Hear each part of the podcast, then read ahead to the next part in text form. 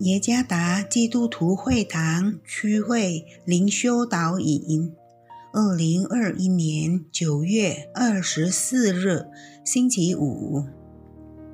主内弟兄姐妹们平安。今天的灵修导引，我们要借着圣经马太福音第七章十五到二十三节来思想今天的主题：当心来源。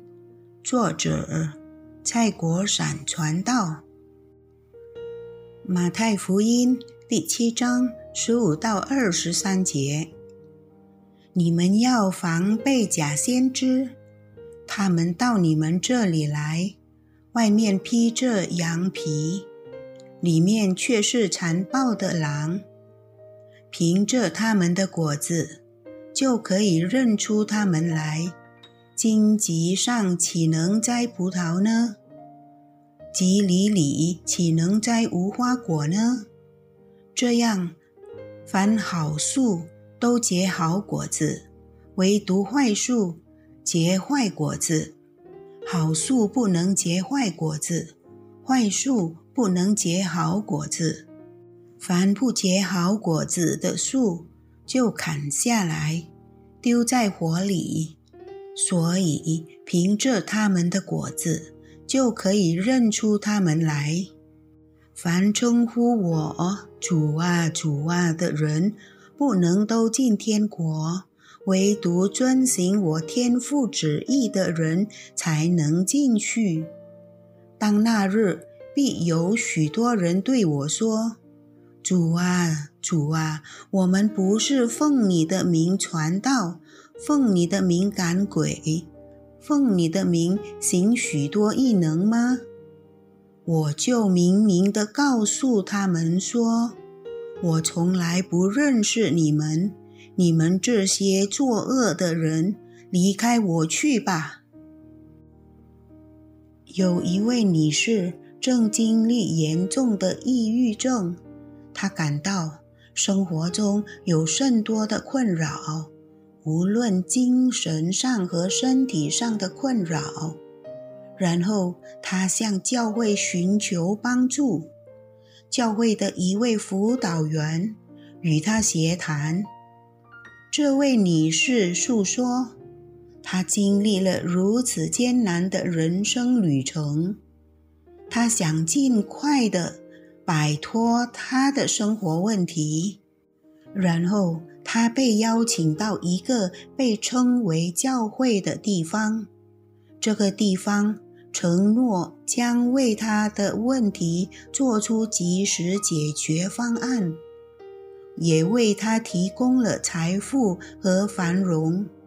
但几次之后，他反而觉得这教派要从他身上得利益。这教派不断要他有义务将自己的大部分财产奉献给那地方的领导者。这教派组织要求他远离家人和教会。他被要求进行不合理的崇拜仪式，例如焚烧他的金子和珠宝首饰，禁止摘下脖子上的围巾。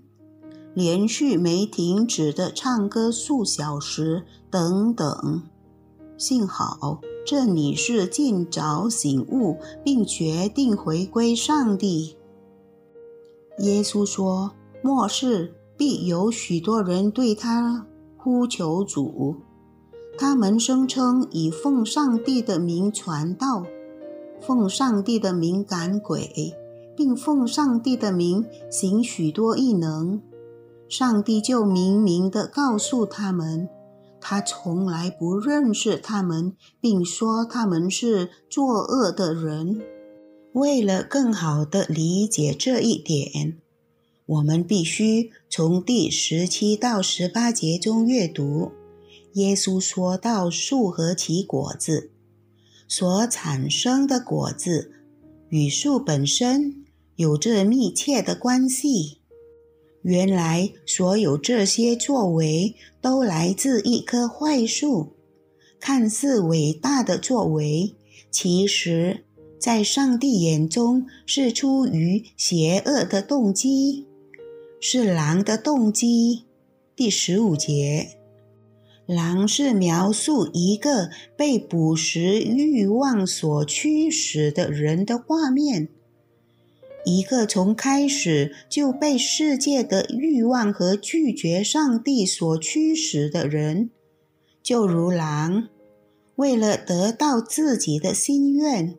可以披着羊皮装成羊来满足自己的欲望和心愿。参看马太福音第七章十五节。若他们会做出惊人的事情，也不必讶异。但他们最深切的渴望，是为了满足自己的欲望和野心。耶稣称他们为假先知。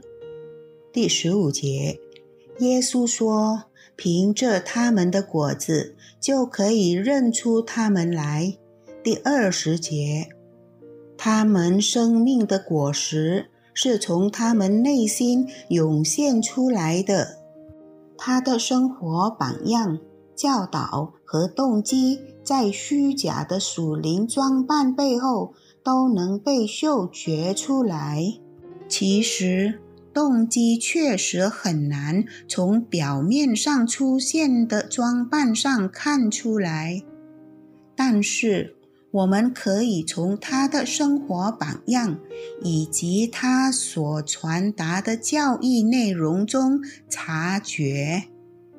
因此，不要急于说你因看起来不错的服饰而受到祝福。